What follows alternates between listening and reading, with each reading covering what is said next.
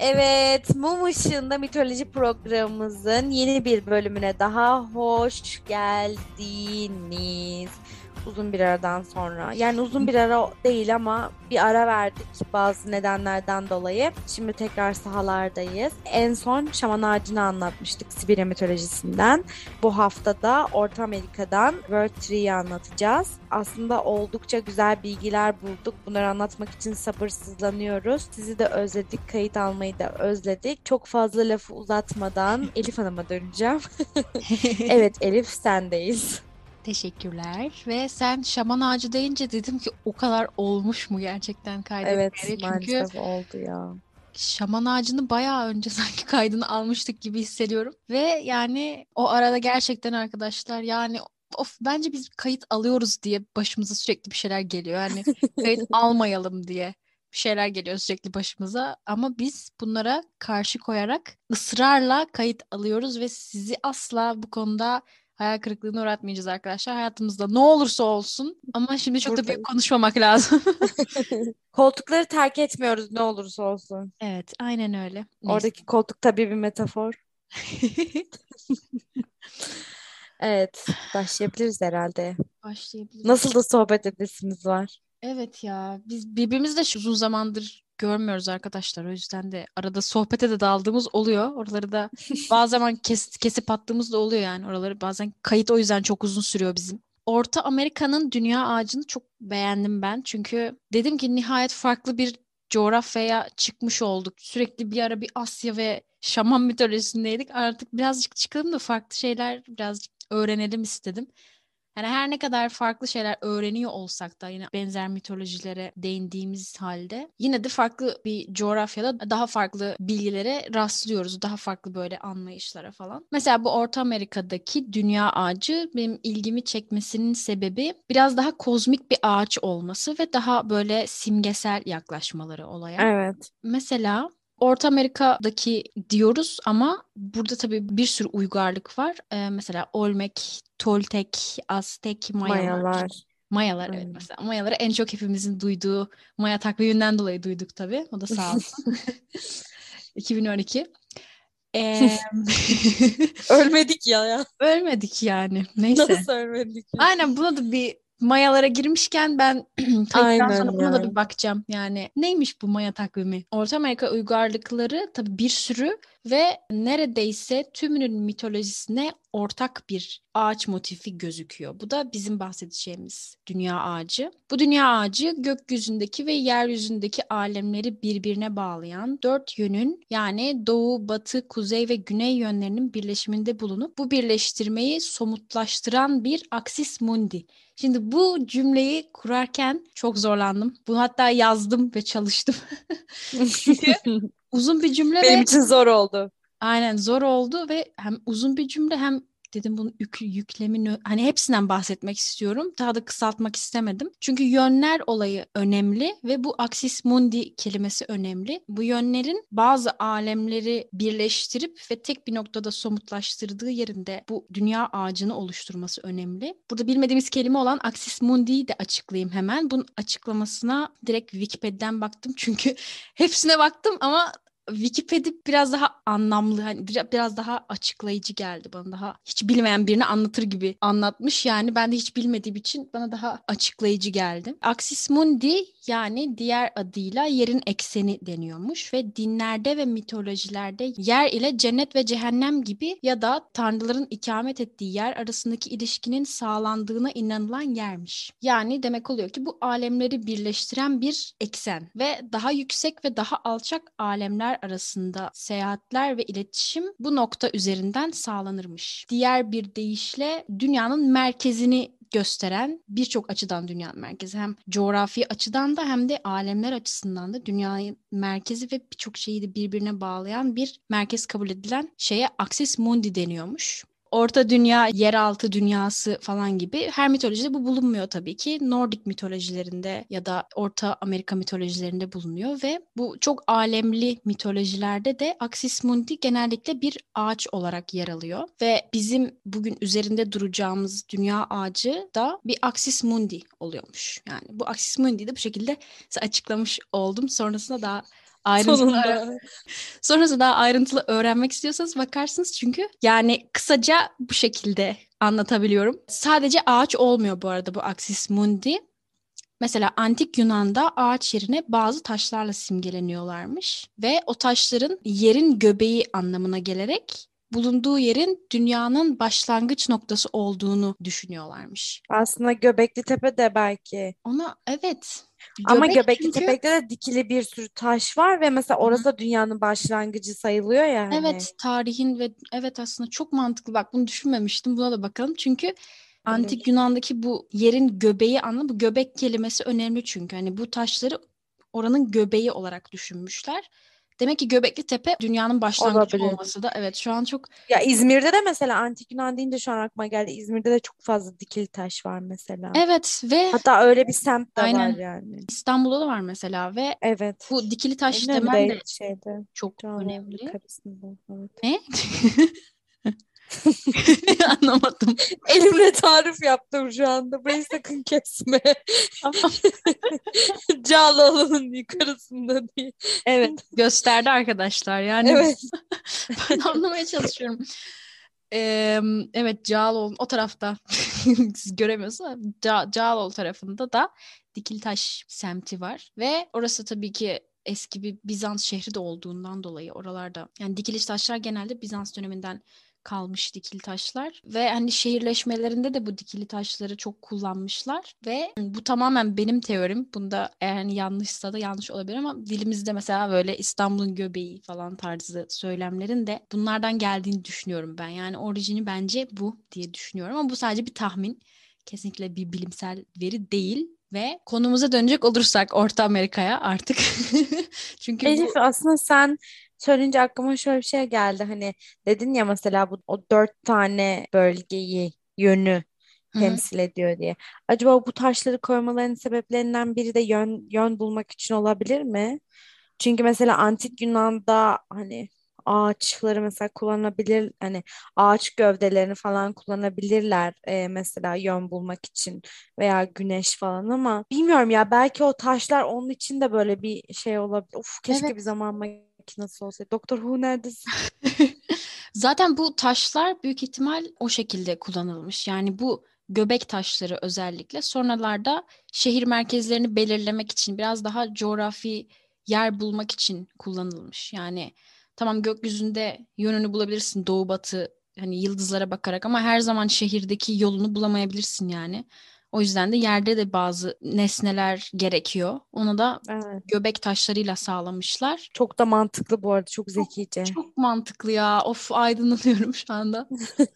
Ee, Neyse konumuza dönelim. Aynen ve hala İstanbul'da da bunları görebilirsiniz. Yani başka şehirlerde de görebilirsiniz ama İstanbul dünyanın en eski şehirlerinden biri olduğu için İstanbul'da daha fazla görürsünüz muhtemelen. Ve Orta Amerika'ya dönüyoruz şu anda. İstanbul'un göbeğinden Orta Amerika'ya tekrar uzanan bir yol. Yönlerle ilişkili olan bu dünya ağaçları çoğu zaman dört yönle ilişkili olduğu gibi bu dört yönü temsil eden tanrılarla ve hatta dört mevsimle de ilişkilendiriliyormuş. Yani dört Orta Amerika dinlerinde ve mitolojilerinde önemli bir sayı. Bunu anlayabiliyoruz. Ve birçok kutsal sayılan tören merkezlerinin bahçelerinde de bunların simgesi olarak yani bu dört mevsimin ve dört yönün simgesi olarak dört adet ağaç dikilirmiş. Yani her biri bu dört yönde olacak şekilde doğu batı kuzey güneyde olacak şekilde dört tane ağaç dikilirmiş kutsal yerlere. Ve dünya ağacının köklerinin dünyanın merkezine kadar ulaştığını düşünüyorlarmış. Diğer bir göksel ağacın da aynı bu dünya ağacı ile bağlantılı olarak Samanyolu galaksisinin merkezinde var olduğuna inanıyorlarmış. Maya dinine göre bu dünya ağacı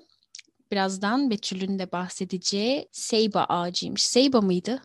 Şu an yanlış okumuş. Evet evet. Evet evet. Aynen. Aynen Seyba Seyba. ağacıymış. Onun hakkında da efsaneye göre bu ağaç bütün evreni yaratan bir ağaç. Evren, evren yokken boşlukta kendi kendine var olmuş bir ağaçmış ve meyveleri de şu ana kadar ins- insanoğlunun bildiği her şey bir meyve olarak onun dallarında yetişiyormuş. Yani hayvanlar, bitkiler, bulutlar hatta zaman da zamanın kendisi bile bu meyvelerden biriymiş. En sonunda ağaç çok ağırlaşıp bu meyveleri kaldıramayacak hale gelince meyveler düşmüş ve filizlenmiş ve dünyayı oluşturmuş gibi bir efsaneleri var. Ve bu seybe ağacından da şimdi Betül bahsedecek bize. Çünkü bu girişle bile ben merak ettim. Ve o yüzden senden de duymak istiyorum şimdi seybe ağacının kutsallığını. Kutsallık bizim işimiz öncelikle. seybe ağacının bir zaten Güney Amerika olduğunu düşünecek olursak hani tropikal bir coğrafyada yetişen bir ağaç olduğu düşünülüyor ve bunun bir ipek ağacı yani ama bizim düşündüğümüz yani pamuk ipek hani o tarz bir şey değil. Hani ipek ağacı olarak tasvir ediliyor Türkçe'de ve gerçekten de bence bu zamana kadar gördüğümüz en hoş ağaçlardan birisi. Ben görsellerini de inceledim ve hani bu kültürdeki mozaiklere baktım, ondan sonra kilim desenlerine baktım falan. Hani hepsinde çok güzel tasvir edilmiş. Fotoğraflarına mutlaka girip bakabilirler. Seyba ağacı dediğim ya en başta konuştuğumuz gibi Mayalar için, ondan sonra Meksikalılar için ve Olmekler için çok kutsal sayılan bir ağaç. Ve bu ağaç dediğin gibi senin de dünyanın merkezinde olarak kabul ediliyor ve dünyanın merkezini somutlaştıran bir simge olarak tasvir ediliyor. Somutlaştırma kelimesi bende de çok önemli. Evet, aynen. Somutlaştırmanın altını çiziyoruz arkadaşlar yani. Evet yani aslında orada bir metafor var ve hani onu bir şekilde som yani mesela senin az önce anlattığın şeydi hani dallarının sarkması ve hani filizlenmesi. Ya bunların aslında hepsi e, çok hani böyle havada kalan şeyler gibi görünüyor ama hani aslında somutlaştırdığımızda evet dünyanın merkezi olarak sayılıyor. Ve yine diğer bütün ağaçlarda gördüğümüz gibi bu ağaç da işte hani e, o gezegenin üç boyutunu işte yeraltı, kara ve gökyüzünü koordineli bir şekilde e, yöneten bir ağaç aslında. Burada farklı olan şey Itsamna diye bir tanrı varmış bu kültürde ve bu tanrı böyle bir yarı kuş şeklindeymiş. Yine fotoğraflardan bakabilirler. Ben de inceledim ve bu dünya ağacı dediğimiz işte bu seybe ağacının tepesinde oturarak işte bu yeraltı, dünya ve gökyüzündeki cenneti yönettiği düşünülüyormuş. Yani aslında e, ağacın tepesinde bir tanrı var. Yine bütün mitolojik ağaçlarda görmüştük aslında hep buna benzer şeyler. Yani ağacın en tepesindeki şeyle gökyüzünün bağlantısı ve ağacın köküyle yeraltının bağlantısı aslında çok birbiriyle hani collaborate neydi?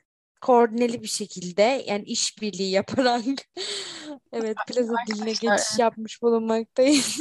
ya bu şekilde çalışıyor aslında ve şöyle bir şey var. Bu tanrı da bu tanrıdan da bahsedelim. Dünyadaki zıtlıkları yani birleştiren bir varlıkmış. Yeryüzüyle gökyüzünün yaşamlı ölümü, erkek kadın işte açık karanlık hani tarzında bu tarz şeyleri birleştiren bir varlıkmış. Evet, Türk mitolojisine Ve, biraz benziyor buradan. Acaba evet, evet.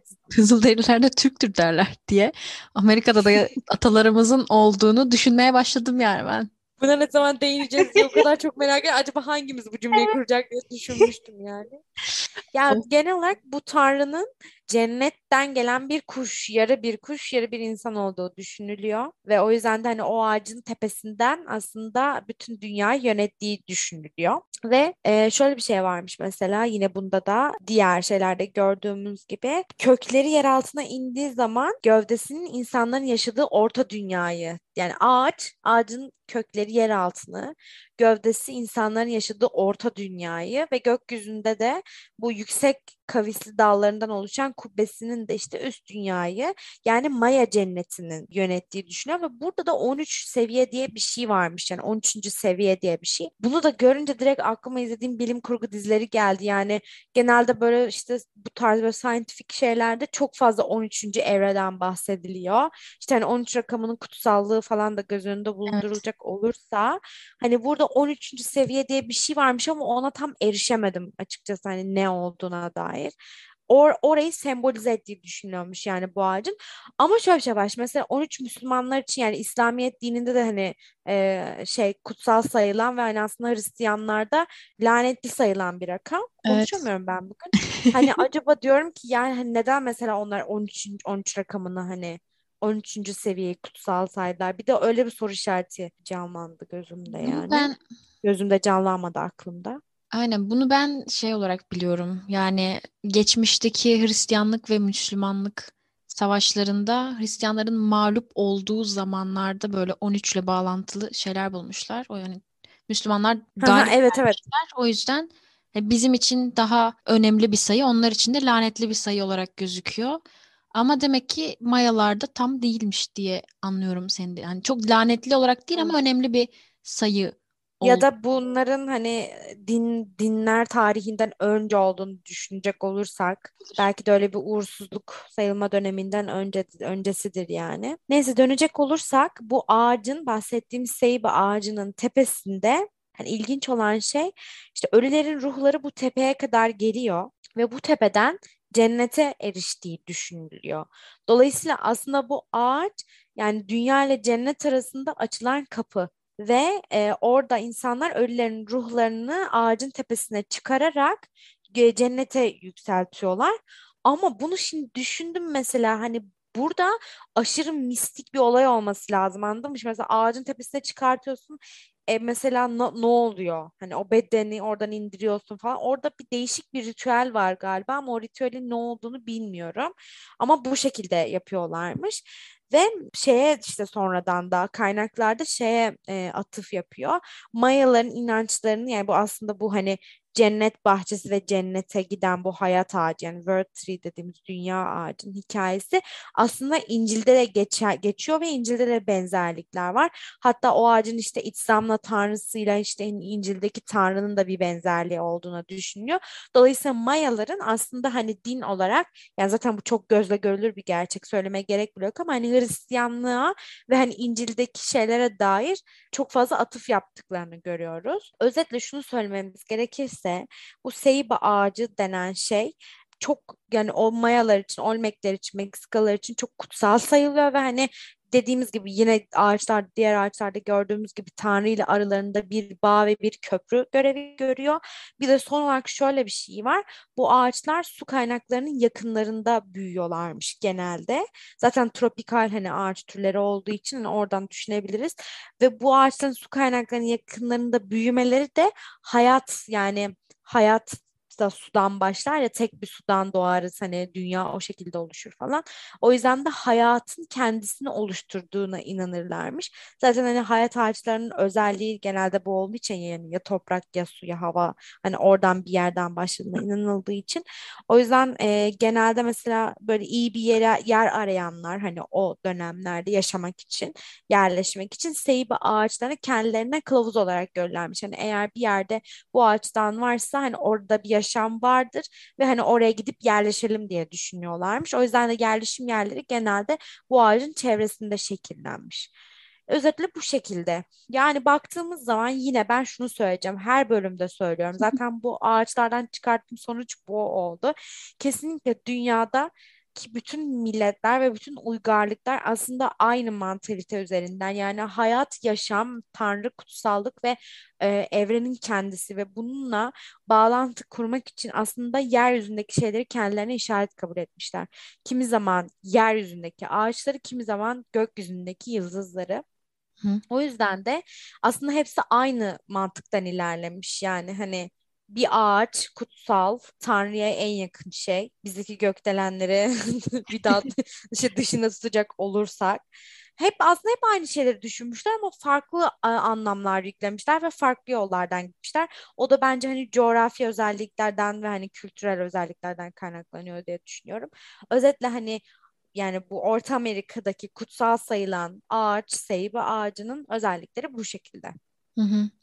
Çok uzattım ya. Dediğin gibi evet ve bence de yani çoğunda ortak ve hepsini bence ortak noktada buluşturan da ruhsal bakış açıları. Hı hı. Yani ruhsal dünyanın da bu ağaçlarda somutlaştığını, ruhsal dünyanın da bu ağaçla bir bağlantısı olduğunu düşünmeleri, ağaçlarla bağlantısı olduğunu düşünmeleri. Yani yeryüzünde yeryüzündeki herhangi bir nesneyi seçmemişler, ağaçları seçmişler. Çünkü hem dediğin gibi yüksek, hani gökyüzünü ve yeryüzünü birleştiren, yönleri de birleştiren, hatta birçok türe ev sahipliği yapan birçok hayvanı, insanı yaşamasını sağlayan bir varlık olduğu için ağacın bu kadar çok nesnel şeyi birleştirdiği gibi birçok da soyut şeyi de birleştirdiğine inanmışlar. Ve bu yüzden de bu dünya ağaçları, hayat ağaçlarını çok kutsal görmüşler ki hepimizin mitolojisinde de var gerçekten yani dinlerde de var gerçekten. Evet. Çok gerçekten dedim ya. Yok da bak ben şu buradan iki çıkarım yapmak istiyorum izninle. Birincisi bunları araştırırken şunu düşünüyorum. Aslında insan doğayla gerçekten azımsanamayacak derecede o kadar iç içe olan bir varlık ki biz doğayla olan e, bağımızı kopardığımızda ayağımızı topraktan çekip işte hani plastiğe, metale koyduğumuz an aslında gerçekten o hani doğayla olan o iç içeliğimizi kaybedip daha materyalist düşünmeye başlayıp daha duygularımızı bir kenara atar bir vaziyete geçtiğimize Hı. inanıyorum. Bu bir. Çünkü mesela e, düşünsene mesela hani yani daha doğa sevgisi yüksek olan ve buna karşı duyarlı olan insanların karakterleriyle mesela işte doğadan elini ayağını çekmiş tırnak içinde plaza insanlarının aslında arasında çok ciddi farklar var. Ah ah. Ee, bu birinci çıkarımım. Çok basit gibi görünen bir çıkarım olsa da insan mesela bu kadar basit bir şeyden bile bunun değerini anlayabiliyor. İkincisi de hani insanın inançsız yaşayamayan bir varlık olduğunu söyleriz ya hep hani mesela biz bunu okulda da çok konuşuyorduk. Aslında bu din yani dinlerden öte yani dört büyük dinin dışında başka bir şey. Yani insan denen varlık aslında varoluşuyla öyle bir anlam kazanmak için çaba sarf etmiş ki buna cevap bulabilmek için mitolojileri bir kenara bırakalım. Yani insanın ilk doğduğu andan beri sürekli bir şeylerin bir şeylere anlam yüklemiş. Yani o yüzden hiçbir şey İsa demedim, insan dedim. He tamam ben Hı İsa anladım. Dedim ki daha geri gidelim. Yok yok insan dedim. Yani hani şunu söylemeye çalışıyorum. İnsan gerçekten bir anlam arayışında hı. ve bunu da bulabilmek için yani zibilyon yıldır aslında çok büyük bir mücadelesi var. Bu yüzden de bir kişi bir şeye inanmıyorsa bile aslında o inançsızlığa inanmıştır diye düşünüyorum yani. Hani ama oradaki inanç dediğimiz şey din deyip kısıtlamamamız gerekiyor. Hani anlam arayışı. Hı hı. Burada mesela bunları düşündüm hep bunu bakarken. Şu an aklıma geldi. Yani böyle iki tane beyin yakan bir çıkarım yapmak istedim. Aslında beyin de yakmıyor bu arada Elif. Çok basit çıkarımlar ama biz bunları böyle çok e, şey yapıyoruz. Çok yüzeyselleştiriyoruz ya. Birazcık daha derin düşündürdü sadece. Ve yani bu ağaçlarla hani doğayla biz şu an çok kopmuş gözüküyoruz toplumlar olarak ama önceden insanların yaşadığı yerlerde büyük şehirler, büyük yapılar yok ve ağaçlarla, bitkilerle sürekli iç içeler. Ve hani hayvanlar da var evet başka canlılar olarak ama yani hayvanlar da bitkiler sayesinde yaşayabilen e, varlıklar olarak gözüküyor ama bitkiler sanki böyle yoktan var oluyormuş gibi tek başlarına e, hayatta kalabiliyorlarmış gibi bu dünyayı insana ve diğer canlılara da yaşanır kılabilen varlıklar olarak düşünmüşler bence diye düşünüyorum. O yüzden hepsinin hayatta kalması tamamen bitki örtüsüne ve ağaçlara, ağaçların varlığına bağlı ve o yüzden Ve de insanlara ve Aynen. canlılara. çoğunun hatta hepsinin hayatta kalması topraktaki filizlenen bazı varlıklara bağlı yani. Hem gıda almamız, hem oksijen almamız, hem daha bir sürü şey. Bir gezegenin bile yaşanır bir gezegen olduğunu anlamamız için bir bitki örtüsünün yaşayabileceği bir gezegen olmasına bağlı. Hem suyun hem de bitki örtüsünün yaşayabileceği bir yer olmasına bağlı. Bence onlar da bunun farkında ama biz sanki yaşadığımız gezegenin şu an bitkilerin var olmasına bağlı değilmişçesine şehirlerimizden bu bitkileri yok edip daha yaşanmaz şehirler inşa ediyoruz kendimize. Bu da zaten insanın insana yapabileceği en büyük kötülüklerden biri Aynen aslında. ve bunun Ve da eninde sonunda çekeceğiz arkadaşlar. Hiç öyle büyük doğa, doğa olayları aman işte neden oluyor? Neden bu kadar yağmur yağıyor? Neden bu kadar sıcak? İşte güneş ışını daha da sıcak bir hale geliyor. Daha da nem oluyor. Evlerimizde nefes alamıyoruz falan falan. Ama bunların sebebi işte geçin bunu. Geçin bunları. Sebepleri uzaklarda aramayın. Bir tane bitki dikin evinize. Bahçeniz muhtemelen yok büyük şehirlerde maalesef. Öyle. Dertlendim. Neyse bu hafta güzel bir haftaydı yine. Evet, umarım bir gün Orta Amerika'ya gidip bunları, kalıntılarını, bu medeniyetlerin kalıntılarını birebir Evet. görme şansımız olur. Çok merak Umarım ediyorum gerçekten. inşallah. İnanıyorum Elif ya bunu yapabiliriz gerçekten. Bence de ya vizesiz ülkeleri de var yani çünkü vize birazcık vize almak zormuş arkadaşlar. Onu fark ettik ama vizesiz ülkelerde az değilmiş yani. Onu da düşünebiliriz. Evet. Türk pasaportumuz değerli. Aynen öyle. Altın bayrakları. Değersiz dersek şimdi başımıza isteme, istemediğimiz şeyler de gelebilir. Neyse. Gelecek hafta. Evet. Gelecek hafta. Aklıma bir şey tweet gelmişti ama söylemeyeceğim. Tamam. Gelecek hafta. Sonra bana at. Tamam. Gelecek hafta kentleri konuşacağım. Gelecek hafta farklı bir mitolojimizin farklı bir kutsal ağacını konuşmak üzere şimdilik burada size Sonlandırıyoruz. elveda diyoruz evet. Haftaya görüşmek üzere. Hoşçakalın, görüşürüz.